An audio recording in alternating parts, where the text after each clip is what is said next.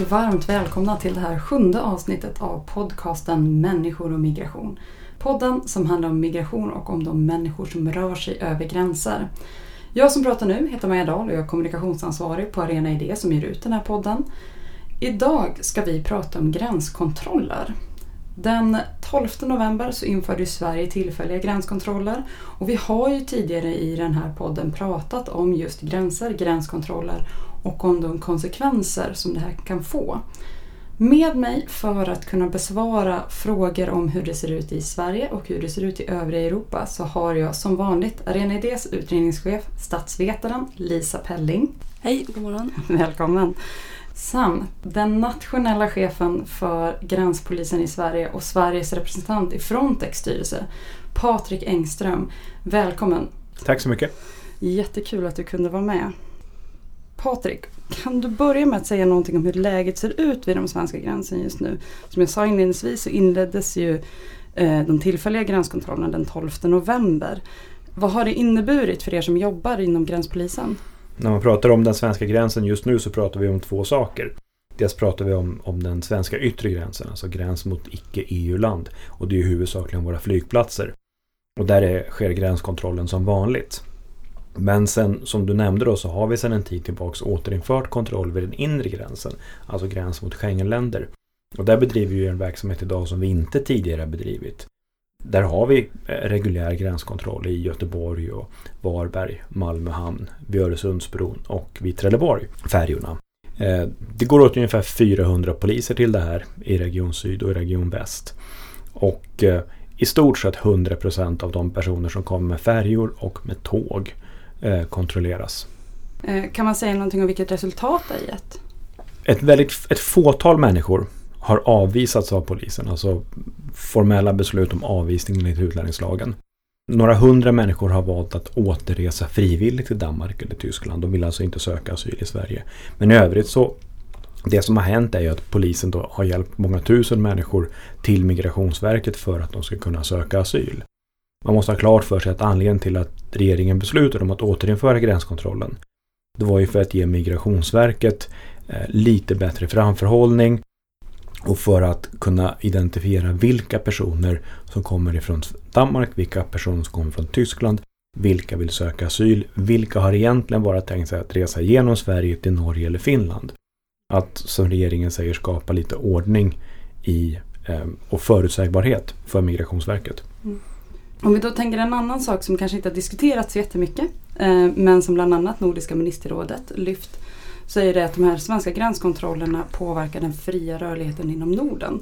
Jag då som tidigare har jobbat med nordiska frågor vet att det här är någonting som man inom Nord, alltså de nordiska organisationerna är väldigt stolt över.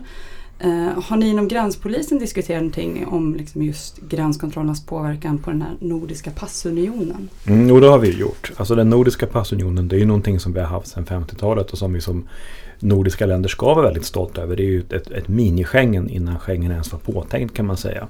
Eh, och är ju en unik eh, fri rörlighet.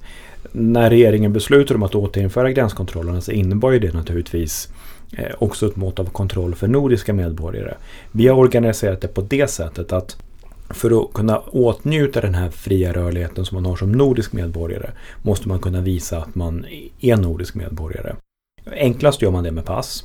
Men vi har också organiserat det så att eh, vi har direkt telefonnummer till samtliga nordiska länder ute vid våra gränskontroller.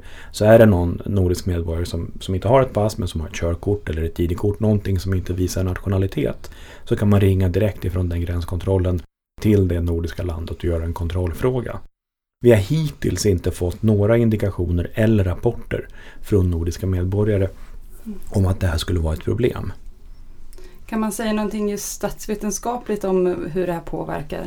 Nej, man kan väl säga precis som, som du nämnde här, den nordiska passunionen har vi ju haft sedan 54 då, som början av 50-talet har blivit någonting av en del av den nordiska självuppfattningen. Att vi är den här eh, regionen i världen som har avskaffat gränserna mellan oss och där människor rör sig fritt. Och, och det har ju också fått konsekvenser på väldigt många människors liv. Att många människor har inrättat hela sitt vardagsliv på att det här fungerar. Att man kan, att man kan röra sig över gränserna i princip helt fritt. Och nu ser vi att det uppstår eh, en hel del problem för människor som pendlar över sundet för att jobba i Danmark eller som jobbar i, eh, bor i Danmark och jobbar på den svenska sidan. Eh, så det här har ju också då mätbara ekonomiska konsekvenser och man ska inte glömma bort det att varje gång man gör en sån här åtgärd så är det en ganska kraftig inskränkning i människors möjligheter att röra sig. Sen får man ju hoppas att det är precis som regeringen annonserar att det här är någonting tillfälligt eh, och vi kommer att återgå till det normala vilket är eh, att vi kan röra oss eh, väldigt enkelt och fritt mellan de nordiska länderna så småningom. Mm. Man kan tillägga att till den nordiska passfriheten så följde, precis som det gör för Schengen idag, också ett ansvar för respektive nordiskt land att kontrollera den gemensamma nordiska yttre gränsen. Precis på samma sätt som Schengen fungerar.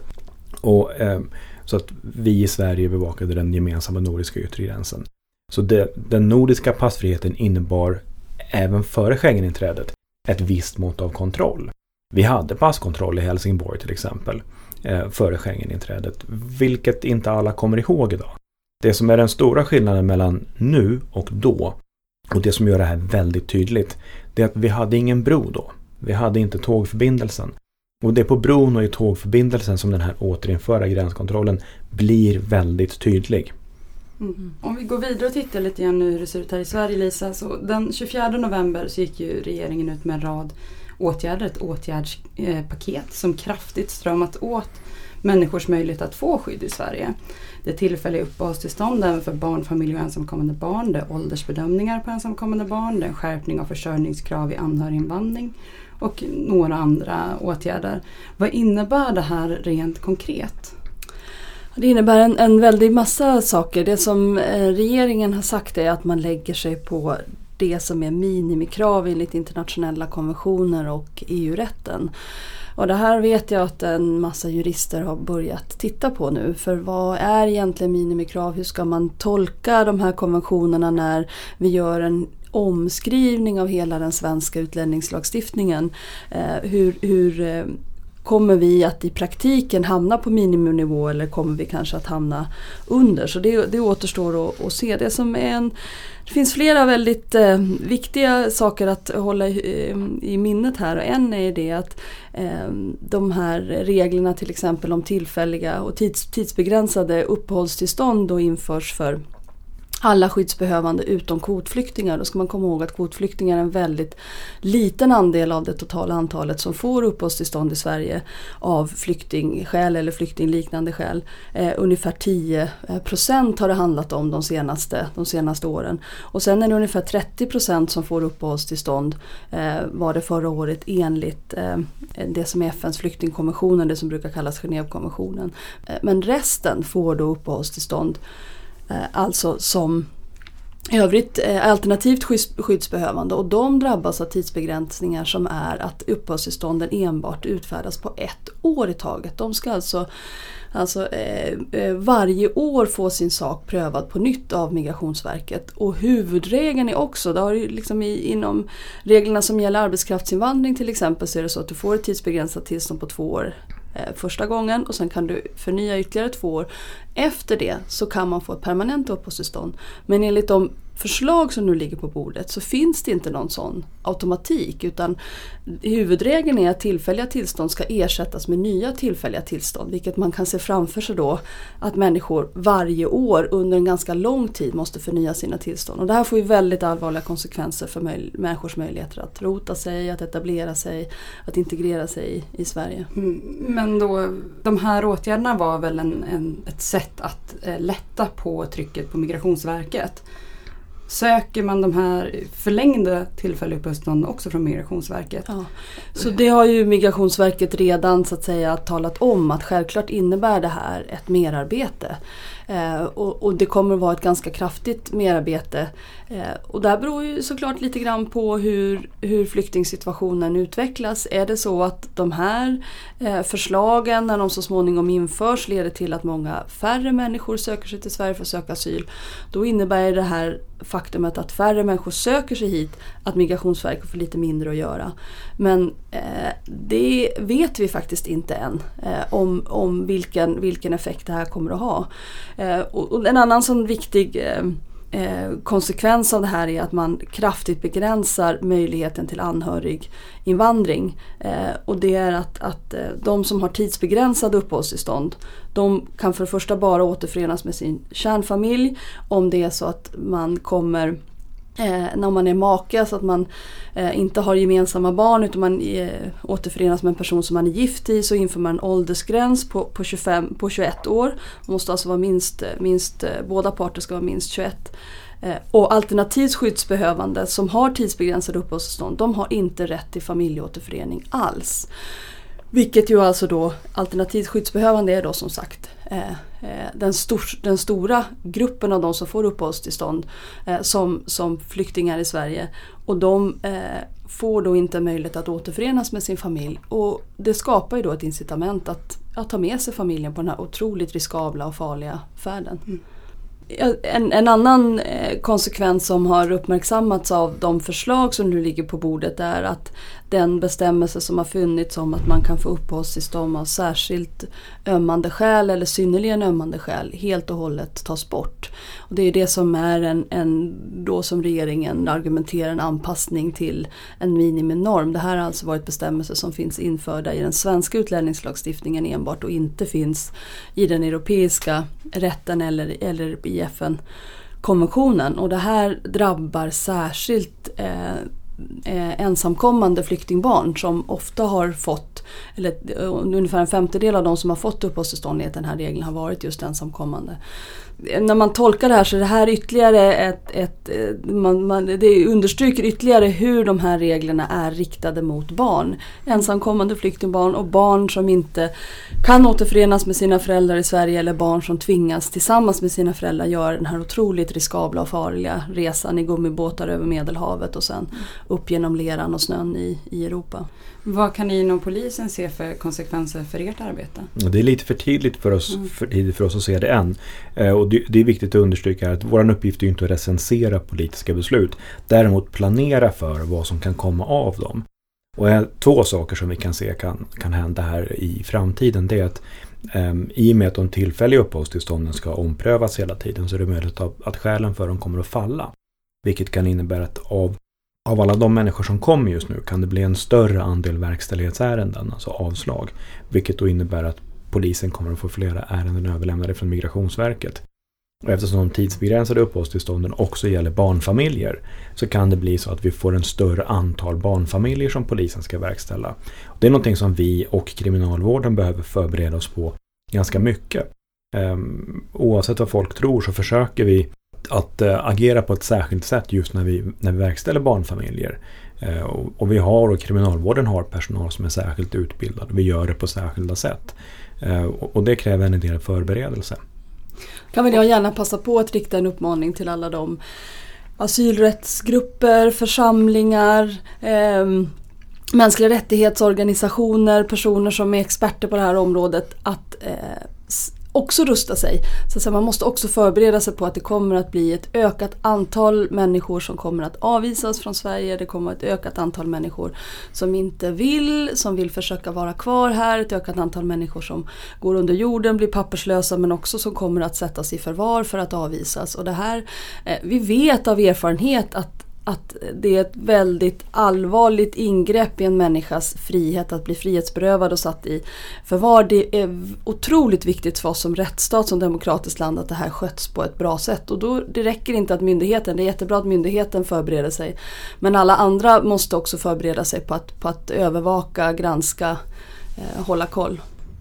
En annan sak som man sa just kring de här, det här åtgärdspaketet eller de här förslagen var att man ville få övriga länder i Europa att ta sin del av ansvaret.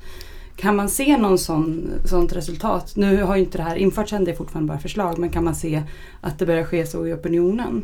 Alltså mekanismen är ju, eh, är ju inte, och det tror jag faktiskt inte ens att, att regeringen har trott att Eh, det ska bli någon slags våg av solidaritet. Ah, nu har Sverige tagit emot så många, nu måste vi öppna dörren. Det var inte alls den reaktionen tror jag som regeringen eh, väntar sig. Utan det man förväntar sig är ju att eh, eh, asylsökande personer som eh, upplever att eh, de kanske inte kan ta sig över till Sverige, man stoppas vid gränskontrollen då eh, ska eh, söka asyl i, i Danmark. Eh, och det har varit så att eh, människor har haft rationella skäl man fruktar för sitt liv, man, man, man, man flyr, man ser vilket land i Europa är det land där jag har störst möjlighet att faktiskt få en fristad. Och, och då söker man sig till Sverige och lämnar inte in en asylansökan i Grekland eller i Kroatien eller i Slovenien eller i Österrike eller i Tyskland som man kunde, skulle ha kunnat göra och inte heller i Danmark med de här bestämmelserna så kan ett ökat antal människor lämna in sin asylansökan i de här länderna och då kommer de här länderna också förhoppningsvis att åtminstone prova dem, eh, pröva dem enligt eh, de minimiregler som, eh, som finns. Så det är den effekten man hoppas på. Jag tror att vi i den svenska debatten fokuserar väldigt mycket naturligtvis på den svenska situationen som är väldigt tätt kopplad till den, den migrationsström som just nu kommer från Turkiet, Grekland, genom västra Balkan, Tyskland, Danmark. Men vi har en tendens att missa de andra migrationsströmmarna som också finns idag. Vi ser väldigt lite av den centrala, central och västafrikanska migrationen till exempel. Som huvudsakligen kommer till Italien, Frankrike, Spanien. Och det här är ju länder som är väldigt tysta i den svenska diskussionen. Vi pratar mycket om att Danmark ska ta sitt ansvar. Tyskland har tagit ett jättestort ansvar. Vad gör Österrike? Vad gör Slovenien? Men, men faktum är att den svenska diskussionen här är väldigt selektiv. Eh, och, och, missar en väldigt, väldigt stor del av migrationen. Vi såg väldigt mycket i media om Medelhavet i somras på grund av att Kustbevakningen och polisen fanns på plats. Men väldigt lite om vad är det som egentligen händer i Centralafrika, vad är det som händer i Västafrika, i Nordafrika. Hur på, vad händer med den migrationen just nu? Vart har de migranterna tagit vägen? För de kommer inte hit. Jag tror också att det är väldigt viktigt att understryka här att det sprids oerhört mycket desinformation och propaganda.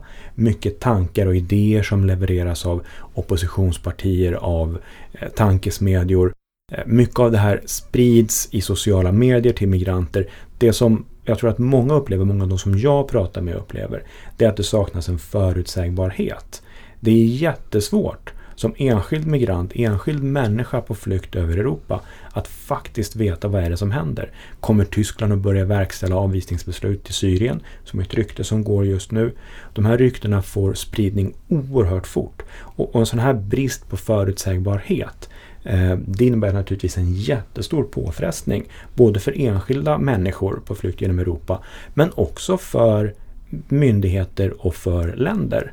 Eh, ett rykte kan väldigt snabbt få spridning och väldigt snabbt resultera i att tiotusentals människor Ehm, beger sig från en plats till en annan utan att det egentligen finns något sakligt skäl för det. Mm. Det här är en bra illustration också om hur dåligt det gemensamma europeiska asylsystemet fungerar.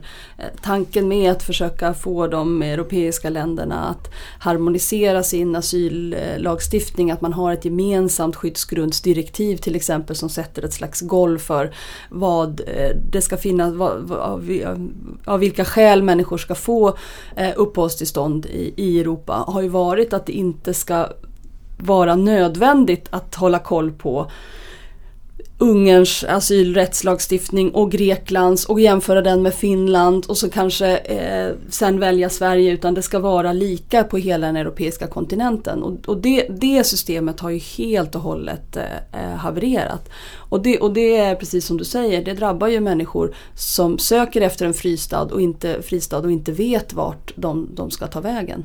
Mm. Eh, sen är det samtidigt viktigt att säga att det har aldrig varit tanken att eh, länder inte ska kunna gå före. Vi har i den svenska lagstiftningen infört eh, humanitära skäl som det hette tidigare och sen, sen har det bytt namn till synnerligen ömmande skäl eller särskilt ömmande skäl när det gäller, när det gäller barn. Eh, för att vi har upptäckt att det här handlar om människor som även om man inte uppfyller de ganska snäva kriterier som är inskrivna i eh, skyddsgrundsdirektivet eller i FNs flyktingkonvention ändå har behov av vårt eh, skydd. Och, och, och, det kommer att få konsekvenser på orter runt om i Sverige när man upptäcker att det finns människor som klasskompisar, fotbollsklubben, församlingen, grannskapet upplever verkligen har behov av ett skydd i Sverige men som inte kommer att få det eftersom de här eh, reglerna nu eh, föreslås att avskaffas. Mm. Ja, men, eh, lägga till det att det är viktigt att man har det för ögonen. Polisen måste precis som du säger Patrik förbereda sig för eh, att genomföra de förslag som ligger på bordet. Det är en, en, plikt som man har som myndighet att göra det.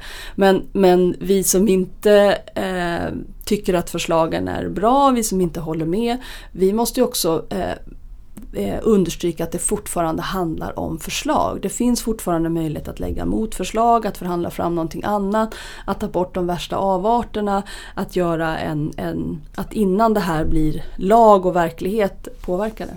Mm. Om vi då tittar utåt i övriga Europa. Eh, du sitter ju i Frontex styrelse Patrik. Ja. Vad är Frontex? Ja, Frontex är ju EUs gemensamma byrå för gränskontroll. Den har ett formellt mycket längre namn men det är EUs gemensamma byrå för gränskontroll. Den är egentligen resultatet av en serie olika tillfälliga lösningar och beslutades 2004, blev operativ 2005, har sitt huvudkontor i Warszawa. Eh, och Viktigt här är att det här är alltså en, en myndighet, en byrå. Det är ingen policyskapande organisation. Utan det är en byrå som har till uppgift att, att hjälpa medlemsstaterna att samordna sig och samordna kontrollen av den yttre gränsen. Eh, den här byrån har växt eh, stadigt. Eh, har rätt ansenliga muskler. Den har en budget för 2016 på 254 miljoner euro. Och har fått ett undantag ifrån EUs plan att skära ner antalet tjänstemän så man rekryterar eh, 60 nya tjänstemän till, nästa år. Ehm, men det som är viktigt här när man pratar om Frontex och Frontex-insatser är att byråns uppgift är att samordna medlemsstaternas verksamhet. Så det är inte så att Frontex har egna fartyg, helikoptrar, flygplan eller ens särskilt mycket personal. Utan de fartyg, flygplan, helikoptrar och personal som arbetar för Frontex, de kommer från oss. De kommer från medlemsstaterna. Vi skickar ut personal från Sverige eh, vi lånar ut dem till Frontex som i sin tur lånar ut dem till den medlemsstat där en, en, en operation bedrivs. Så att just nu har jag personal då utlånad som tjänstgör i Ungern eh, på en ungersk gränskontroll. Jag har personal som tjänstgör i Spanien i en spansk gränskontroll. Och de är då formellt utlånade via Frontex till Spanien. Så byråns uppgift är alltså att kan man säga, förmedla hjälp på det sättet och sen samordna den hjälpen. Och utöver det så sysslar man med utbildning och riskanalyser, man följer forskning. Man eh, biträder, man hjälper medlemsstaterna vid så kallade gemensamma återsändanden. Alltså man, om flera medlemsstater ska genomföra en återsändande operation, alltså verkställa avvisningsbeslut, så får man finansiell hjälp från Frontex. Ehm, och Frontex, och det här vill jag gärna understryka, Frontex har också en uppgift när det gäller grundläggande rättigheter. Byrån har eh, en särskild tjänsteman anställd som bara svarar för direktören och styrelsen för att eh, se till att byråns all, verksamheten följer de grundläggande rättigheterna.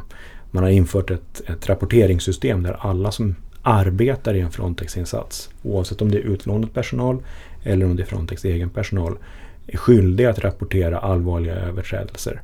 Ehm, vare sig det är överträdelser som har rapporterats till dem av en enskild migrant eller saker de har observerat.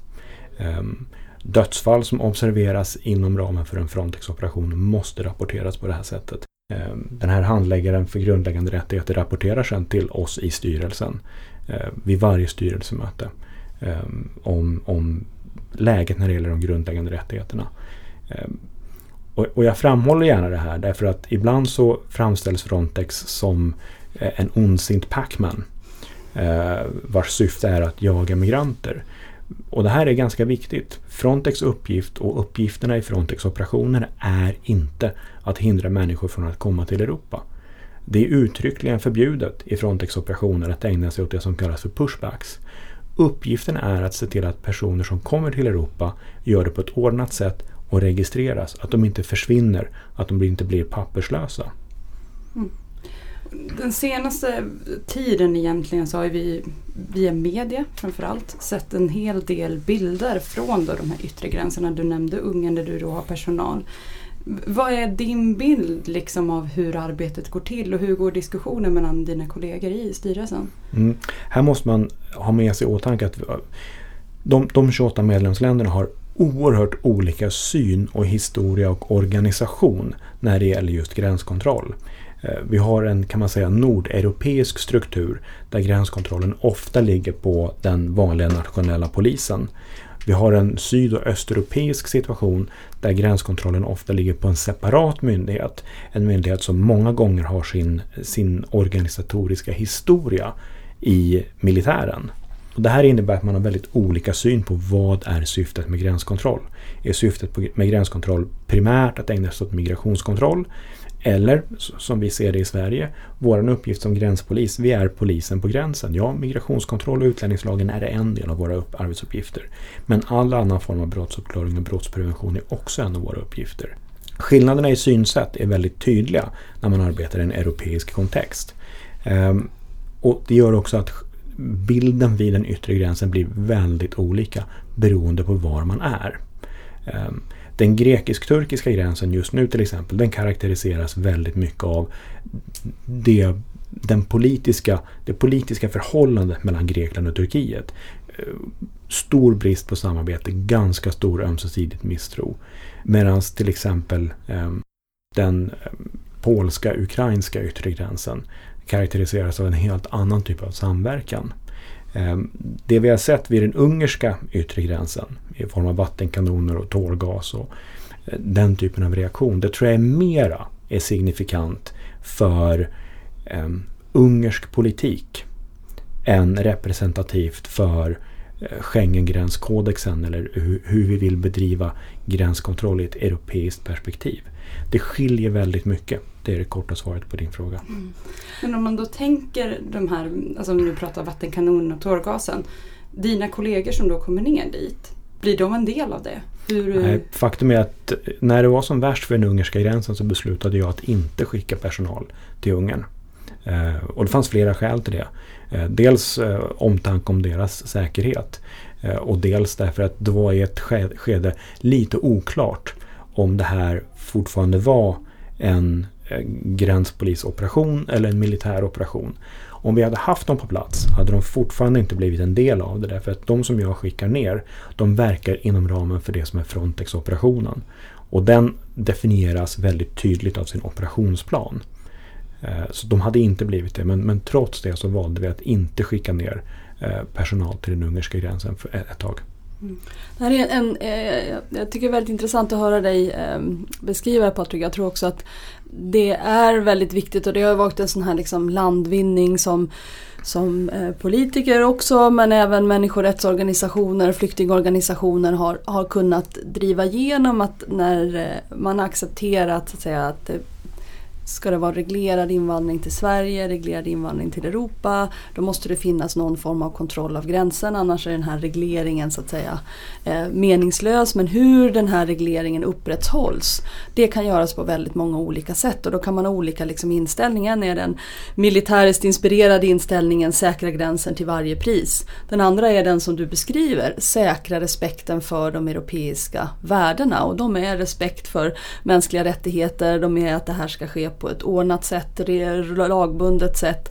Att man hela tiden så ska, säga, så ska ha ett, ett perspektiv om att i allt man gör så ska de mänskliga rättigheterna eh, respekteras och man ska respektera asylrätten. Det vill säga det ska inte vara ett hinder för människor till exempel som söker asyl att ta sig in i Europa att det finns en, att det finns en gräns. Sen, krockar den här ambitionen med olika länder så också med, med ehm, en del så att säga ehm, olika länders inställning. Jag, jag skulle vilja argumentera för att man också skulle behöva ha ett mycket tydligare fokus på att rädda eh, människoliv. Att, att eh, den, tyvärr så är erfarenheten den att, att äh, människor mister livet vid Europas gränser. Och det finns saker som vi kan göra som Frontex och Frontex tjänstemän kan göra, som medlemsstaterna kan göra för att, för att rädda äh, människoliv. Och då handlar det precis som du säger om att en del av det här är såklart att bekämpa den brottslighet som i och för sig är framtvingad av att det finns allt för få lagliga vägar till Europa. Människor tvingas lägga sina, händer i smuggla, äh, sina liv i, i smugglares händer. Men det finns också fullständigt eh, hänsynslösa smugglare som med berått mod sätter människors liv på spel och där skulle Frontex och andra former av, av myndighetspersoner faktiskt kunna eh, agera. Mm. Vi kommer komma tillbaks till, eh, till det förslag som, som Lisa har eh, skrivit om i sin rapport Lagliga vägar. Eh, men innan vi pratar om de delarna skulle jag vilja gå tillbaka lite grann till de här gränserna. Eh, och nu har vi pratat om de yttre gränserna men det är inte bara yttre gränser som, som diskuteras utan det är även gränser mellan länder inom EU. Eh, till exempel då gränser till, för Sveriges del då, till Tyskland och Danmark. Ehm, hur ser det ut vid de gränserna? Vad berättar dina kollegor där? Om vi ser till den svenska gränsen då mellan Sverige, Tyskland, Sverige, Danmark. Där bedriver vi idag i stort sett en 100% kontroll. På tåg och färjor med undantag för Helsingborg bedriver vi idag en 100% kontroll. När det gäller fordonstrafiken över Öresundsbron så har vi en i princip 100% kontroll av busstrafik och vi tittar i, stort sett i varje bil som passerar. Och vi har eh, som huvuduppgift här att identifiera personer som har, saknar rätt att resa in i landet och som vill söka asyl. De som vill söka asyl får transport till Migrationsverket. De som inte vill söka asyl eh, kan antingen eh, välja att frivilligt återvända eller bli avvisade. Eh, Tyskland och Österrike de har en helt annan. De har också, Tyskland har också återinfört gränskontroll. Men där har man en överenskommelse med Österrike som i princip handlar om att slussa hanterbara grupper av människor över gränsen. Vi har inte en motsvarande överenskommelse med Danmark eller Tyskland. Och vid den ungerska gränsen har man haft ytterligare en, en annan, ett annat perspektiv. Då, eh, betydligt mer hårdfört. Eh, Österrike har ju börjat sätta ut staket, eller som de säger en barriär mot Slovenien. Eh, syftet med den barriären säger man är att se till att människor kommer via gränsövergångsstället och inte så att säga, oregistrerat över den gröna gränsen. Så att det är lite olika bild i Europa. Vi har en hög ambitionsnivå vid den svenska gränsen. Att kontrollera människor som kommer. Men det beror också på att vi inte har någon landgräns. Eh, till skillnad från Tyskland, eh, Österrike och Österrike-Slovenien som har landgräns.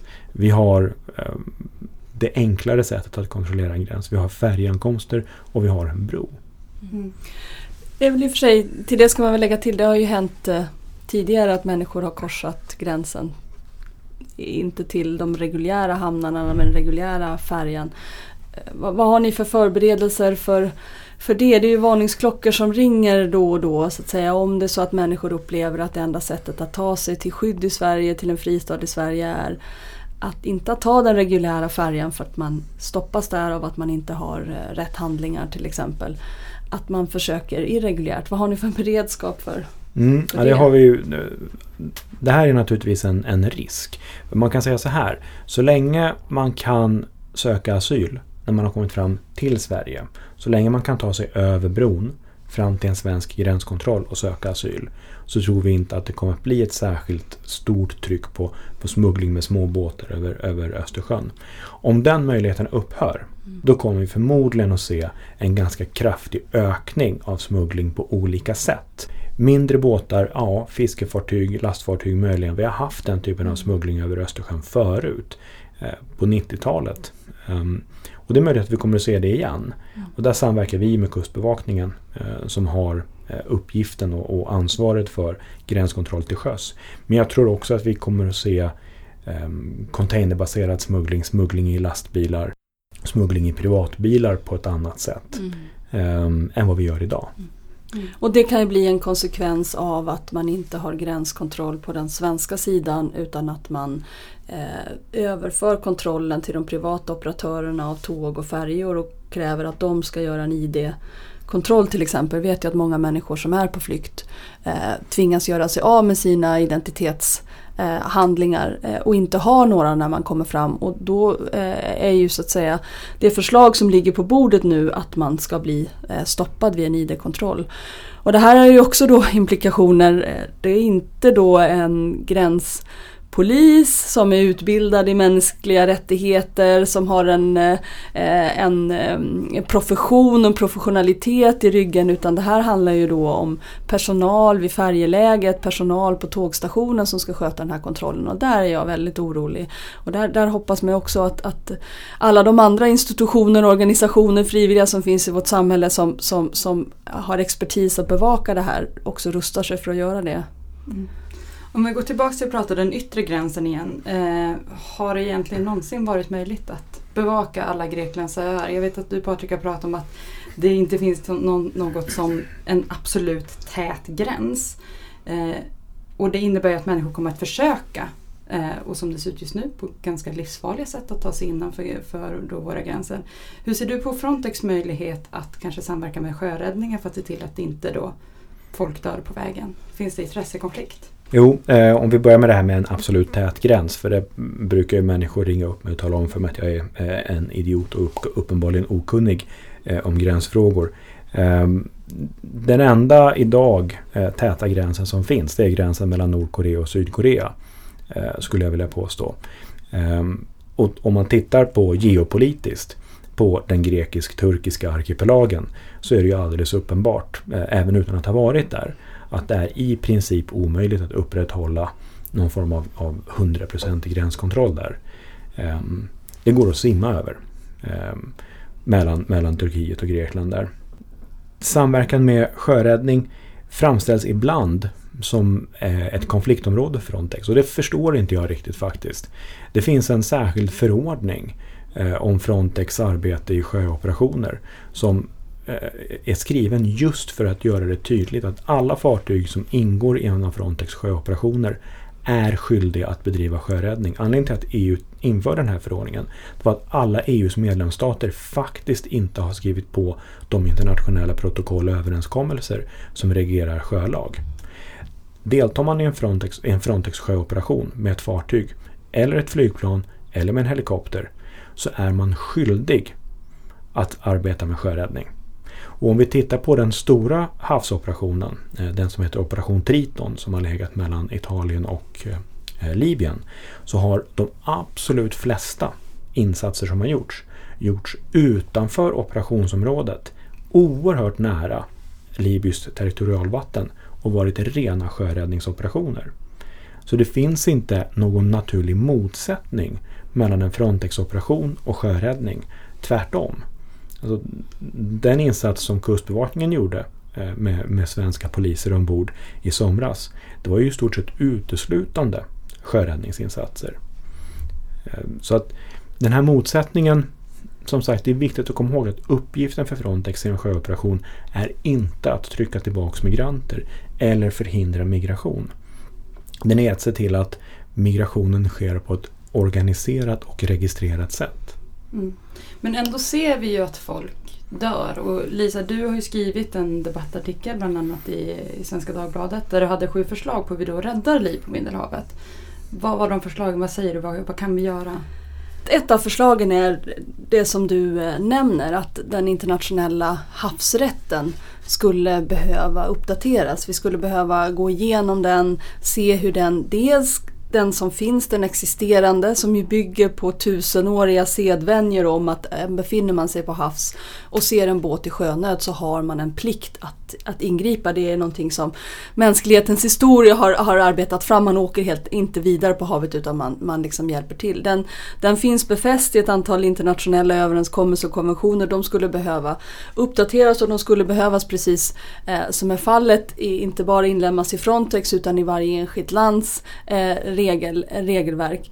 Eh, så det, det, är en del av den. En annan del är det för det handlar ju, det, det är ju en, en problem som är just på havet att det finns brist på insyn. Det är oftast långt ifrån andra människor, andra vittnesmål. Eh, och det gör att man måste ställa särskilt hårda krav på regelverk, på övervakning, på kontroll, på oberoende kontrollinstanser i, i hela den här typen av, eh, typen av verksamhet.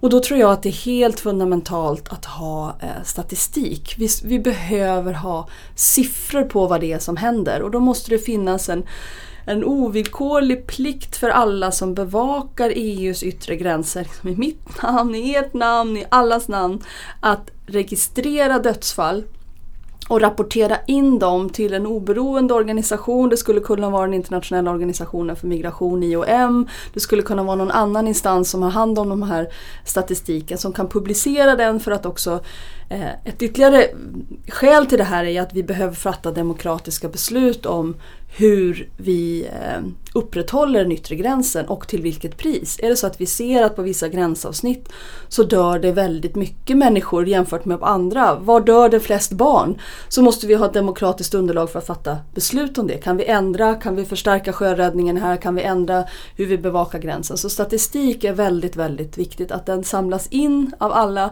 att den görs offentlig, att den publiceras, att den hela tiden eh, utvärderas. En annan viktig aspekt är det här av att, att, eh, ta hand om kropparna. Och där, där skulle vi behöva bli mycket bättre på att eh, ehm, se till att de kroppar som bärgas faktiskt identifieras och att man gör sitt yttersta för att hitta de omkomnas anhöriga och att också underrätta dem. Det finns, och det kan ju verka så absurt, internationella regler om hur man ska förfara med lik på krigsskådeplatser. Där har vi liksom överenskommelser som, som sen Röda Korsets eh, liksom tillblivit om hur man ska, hur man ska göra. Men inte om, om, om kroppar ute till, till havs och det skulle man, det skulle man behöva ha eh, också. Mm. Vad säger du Patrik? Vad, vad, tänker du kring de här förslagen? Jag tror att många av dem är väldigt bra. Eh, jag vill återkomma bara till att när det gäller just dödsfall som uppmärksammas inom ramen för en Frontex-operation, som är det som jag kan prata om, så finns det en skyldighet att rapportera det. Däremot så saknas det ju en opartisk mottagare av den typen av rapporter. Eh, och det tror jag också skulle vara nyttigt. Eh, jag tror också att det är viktigt att komma ihåg här, vem är det som har sjöräddningsansvaret i Medelhavet? Jo, det har medlemsstaterna, eller rättare sagt havsstaterna har ett sjöräddningsansvar. Vilket innebär att ett ganska litet land som Malta har ett jättestort sjöräddningsansvar. Ett land med svag infrastruktur som Libyen har ett sjöräddningsansvar men kan inte ta det. Och en möjlighet här att överväga det är ju om det är så att man ska ha en europeisk sjöräddningsorganisation, för det saknas. Eh, sjöräddningsansvaret bygger väldigt mycket, precis som du säger Lisa, mm. på sedvanerätt och på att eh, nationer med havsgräns tar ett ansvar. Men inte nödvändigtvis ett ansvar som är statligt. Vi kan titta på vem är det som tar det största sjöräddningsansvaret i Sverige. Det är en frivillig organisation. Mm. Inte staten. Mm. Så eh, hur sjöräddningen i Medelhavet eller längs Europas kuster överhuvudtaget är organiserat. Det är nog någonting att, att fundera över. Samtidigt som man också måste ha klart för sig att på samma sätt som Frontex inte lyfter ansvaret för gränskontroll från de enskilda medlemsstaterna så ska man kanske vara försiktig med att lyfta sjöräddningsansvaret från de enskilda medlemsstaterna och ge medlemsstaterna en möjlighet att säga nej men vi tvår våra händer. Det här är inte vår uppgift längre, vi har överlåtit den här på EU. Mm. Det är viktigt att det blir ett komplement till ländernas eget eh, ansvar, absolut.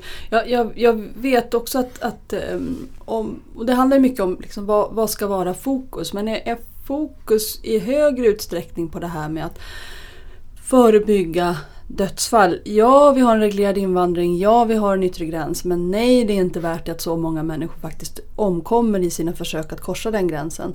Då sätter man ett fokus också på överlevande. De som har suttit i samma båt där människor har drunknat, de som har lyckats simma i land, de som har sett eh, eh hur, hur eh, hänsynslösa smugglare beter sig, de som fortfarande har deras mobiltelefonnummer, som vet deras, eh, eh, de ställen där man, där man eh, ger husrum åt människor innan avfärden. Den, den typen av information, där skulle man behöva lägga mycket mer resurser på att intervjua, dokumentera, gå efter det här. För det här handlar ju både om att, att, att, att, så att säga ge någon slags upprättelse till människor som har överlevt. Vi bryr oss om ditt, ditt öde, vi bryr oss om den person som nära och kära som du har mist som satt i samma båt som du. Men också att man faktiskt får en, en ökad möjlighet att förebygga att sådana dödsfall sker igen.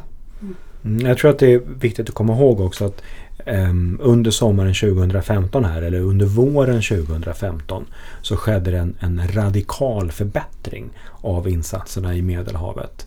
Uh, och, och, man kan se hur Eh, de insatserna som gjordes inom ramen för Frontex-operationer och andra insatser där flyttades fram så nära Libyens eh, havsgräns som man rimligen kan komma utan att överträda Libyens suveränitet. Eh, och anledningen till det här var ju just för att fokus flyttades ifrån kontroll och övervakning till sjöräddning och livräddning. Eh, jag tror också att det är viktigt, som jag, som jag nämnde förut, att det finns, en, det finns en diskussion kring migration som vi missar lite grann. Vi har ett oerhört eurocentriskt fokus på det här.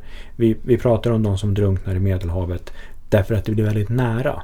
Men vi pratar inte om de människorna som förgås i öknen på fotvandring till Libyen.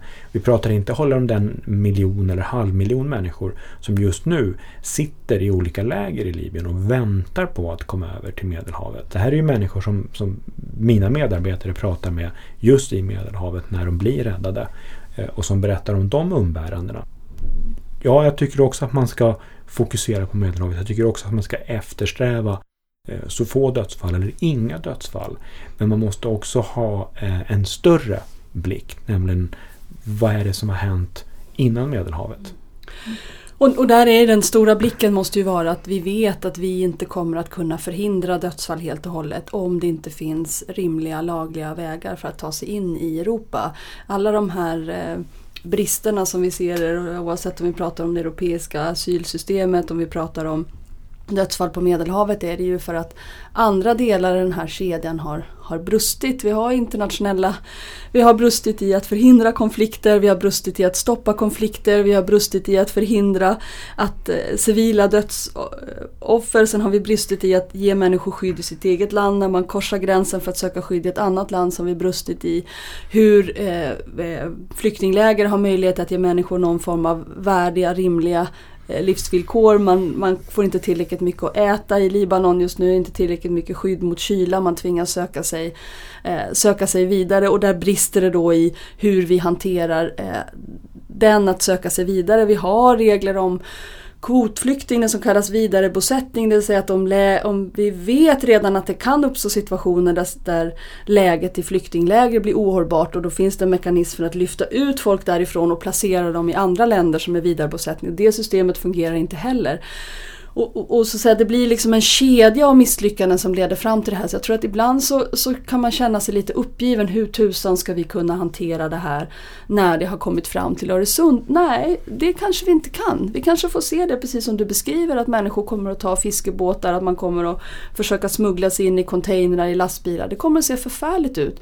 Men det beror på att det ser förfärligt ut långt, långt innan dess. Och man skulle för att hitta en lösning behöva jobba med var och en av de här delarna. Mm. Jag tror att det är viktigt att förstå här. Jag, innan jag kom tillbaka till Sverige så jobbade jag i, i Afrika för FN med organiserad brottslighet. Och jag tror att det är viktigt att förstå att för en människa som har gått tvärs över den afrikanska kontinenten eh, för att ta sig till Libyen så är ju eh, så att säga båtfärden över Medelhavet som vi skulle betrakta som fullkomligt livsfarlig. Det är inte en mycket större utmaning än det man redan har varit med mm. om.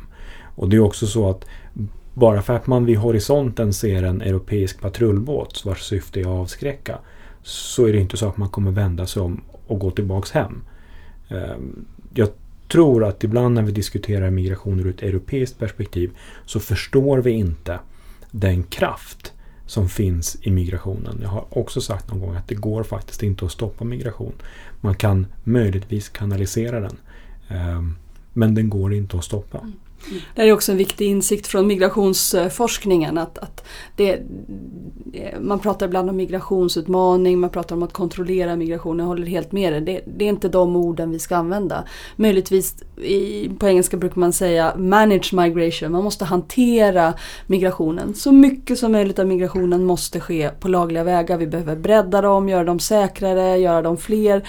Men, men måste också så att säga inse att vi kommer inte att kunna riva murar i samma takt som vi skulle behöva det. Och därför så kommer människor att riskera sina liv vid Europas yttre gränser, an, i andra områden, folk på väg och då behöver vi mekanismer för, så långt, för att så långt som möjligt skydda människors liv. Och, och jag håller helt och hållet med dig, det som sker i i Sahara är kanske ännu mer osynligt för oss än det som sker i, i, i Medelhavet och där skulle vi också behöva göra fler, fler insatser. Vi vet ju också tyvärr att människors desperation driver dem i händerna på hänsynslösa smugglare man använder sitt livsbesparingar, pengar som man kan låna ihop för att betala för det här och den affärsverksamhet som uppstår i det här är också ganska lämpad för att göra andra saker som att smuggla vapen, som att smuggla droger.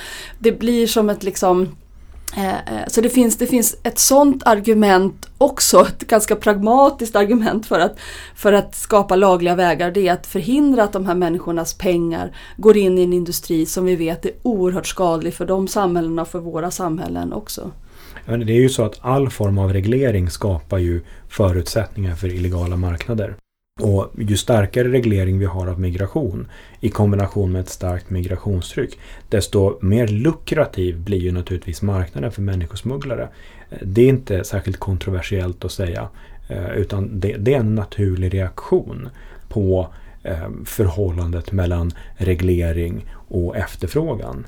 Eh, på samma sätt som att reglering av, av, av andra, andra, andra regleringar också skapar Eh, kriminalitet.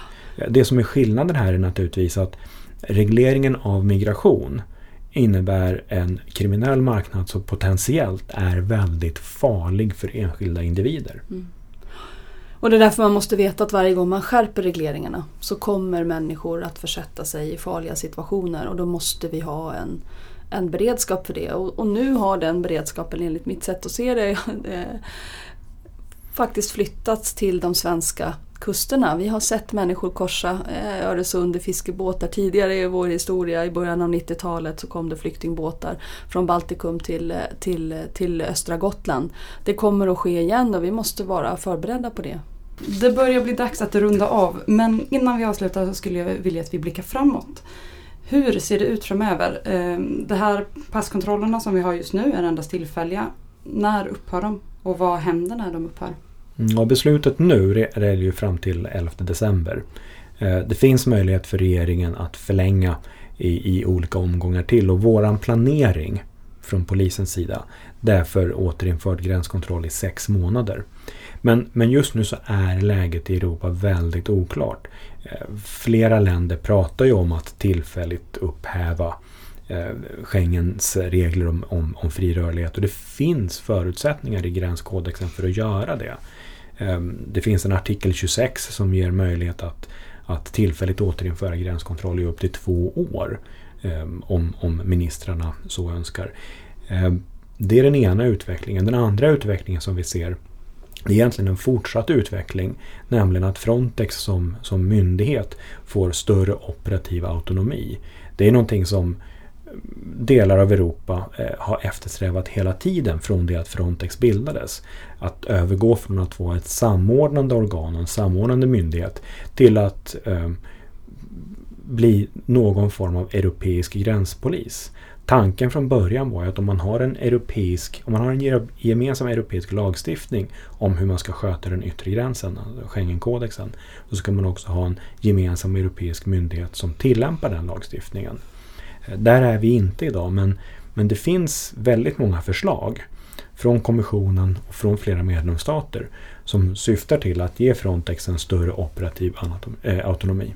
Mm. Jag är inte insatt eh, i detalj i det. Jag, jag, bara tänker spontant att det skulle kunna ge Frontex en mycket svårare roll om man ännu mera frikopplar dem från så att säga det som medborgarna i våra länder upplever som sina regeringars ansvar. Om det är så att, så att säga, människor som bor i Italien, Spanien, Frankrike kan skylla döden på Medelhavet på någon slags abstrakt europeisk eh, gränsvakt och skylla alltihopa på Angela Merkels politik eller på byråkraterna i Bryssel istället för att se att det är den franska regeringens ansvar.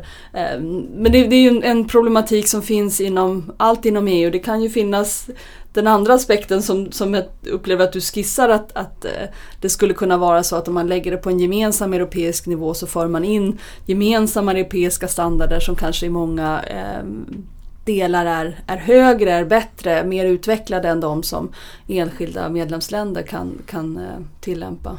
Alltså I grunden så handlar det här om en diskussion mellan de två falanger som alltid har funnits i Europa.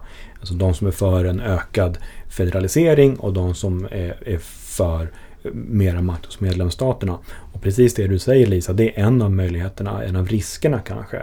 Eh, att medborgarna i Europa i större utsträckning och regeringarna i Europa i större utsträckning kommer att kunna skylla tillkortakommanden på en ganska anonym eh, överstatlig europeisk byrå. Och det är någonting som vi har sett redan nu. medlemsstaterna säger vi behöver mer hjälp av Frontex. Frontex säger men för att vi ska kunna ge er mer hjälp behöver vi få mer resurser av andra medlemsstater. Så att det finns redan idag en, en risk, eller det förekommer redan idag, eh, att just medlemsstater, Frontex och kommissionen lastar över ansvaret på varandra. Och den risken ökar nog om Frontex får en ökad operativ autonomi. Eh, möjligheten är väl då möjligtvis att Frontex får en möjlighet att i enskilda fall vid medlemsstat, för medlemsstater som kanske faktiskt inte klarar av sin egen gräns kan hjälpa till på ett annat sätt. Då så, då är det faktiskt dags att avsluta veckans avsnitt. Eh, Patrik, tack så hemskt mycket för att du kom hit eh, och eh, lärde oss mer om gränskontroller och hur de fungerar. Nästa avsnitt kommer om två veckor och då ska vi prata om Dublinförordningen. Om du som lyssnar gärna vill lyssna på någonting som kommer från Arena Idé innan dess så får du jättegärna lyssna på vår syskonpodd Pengar och politik. I senaste avsnittet så har du Maria Wetterstrand på besök för att diskutera klimattoppmötet i Paris och klimatpolitik. Ni kan även lyssna på några av de seminarier som Arena Idé arrangerar och de hamnar på Arena Play. Nu finns det till exempel ett seminarium om lagliga vägar in i Europa som eh, är utifrån Lisa Pellings rapport Lagliga vägar. Och den inspelningen finns som sagt på Arena Play som ni hittar på Soundcloud eller via iTunes. Har ni frågor eller kommentarer på dagens avsnitt så går det bra att antingen twittra dem till oss. Man kanske kan twittra till dig också Patrik? Det kan man göra. Ja, och då twittrar man till? Att patäng. Pat ah. underscore äng. Perfekt. Eller så twittrar man till eh, mig och Lisa på att arenaid. Eller så kan ni skriva det på vår Facebook-sida som ni då alltså hittar på Facebook. Bara söka på människor och migration. Men eh, det var alltså slut för dagens avsnitt. Vi hörs igen om två veckor och då är det Dublinförordningen som gäller. Tack så mycket för att du har lyssnat och tack Patrik för att du kom hit. Tack. Hej då. Tack, hej då.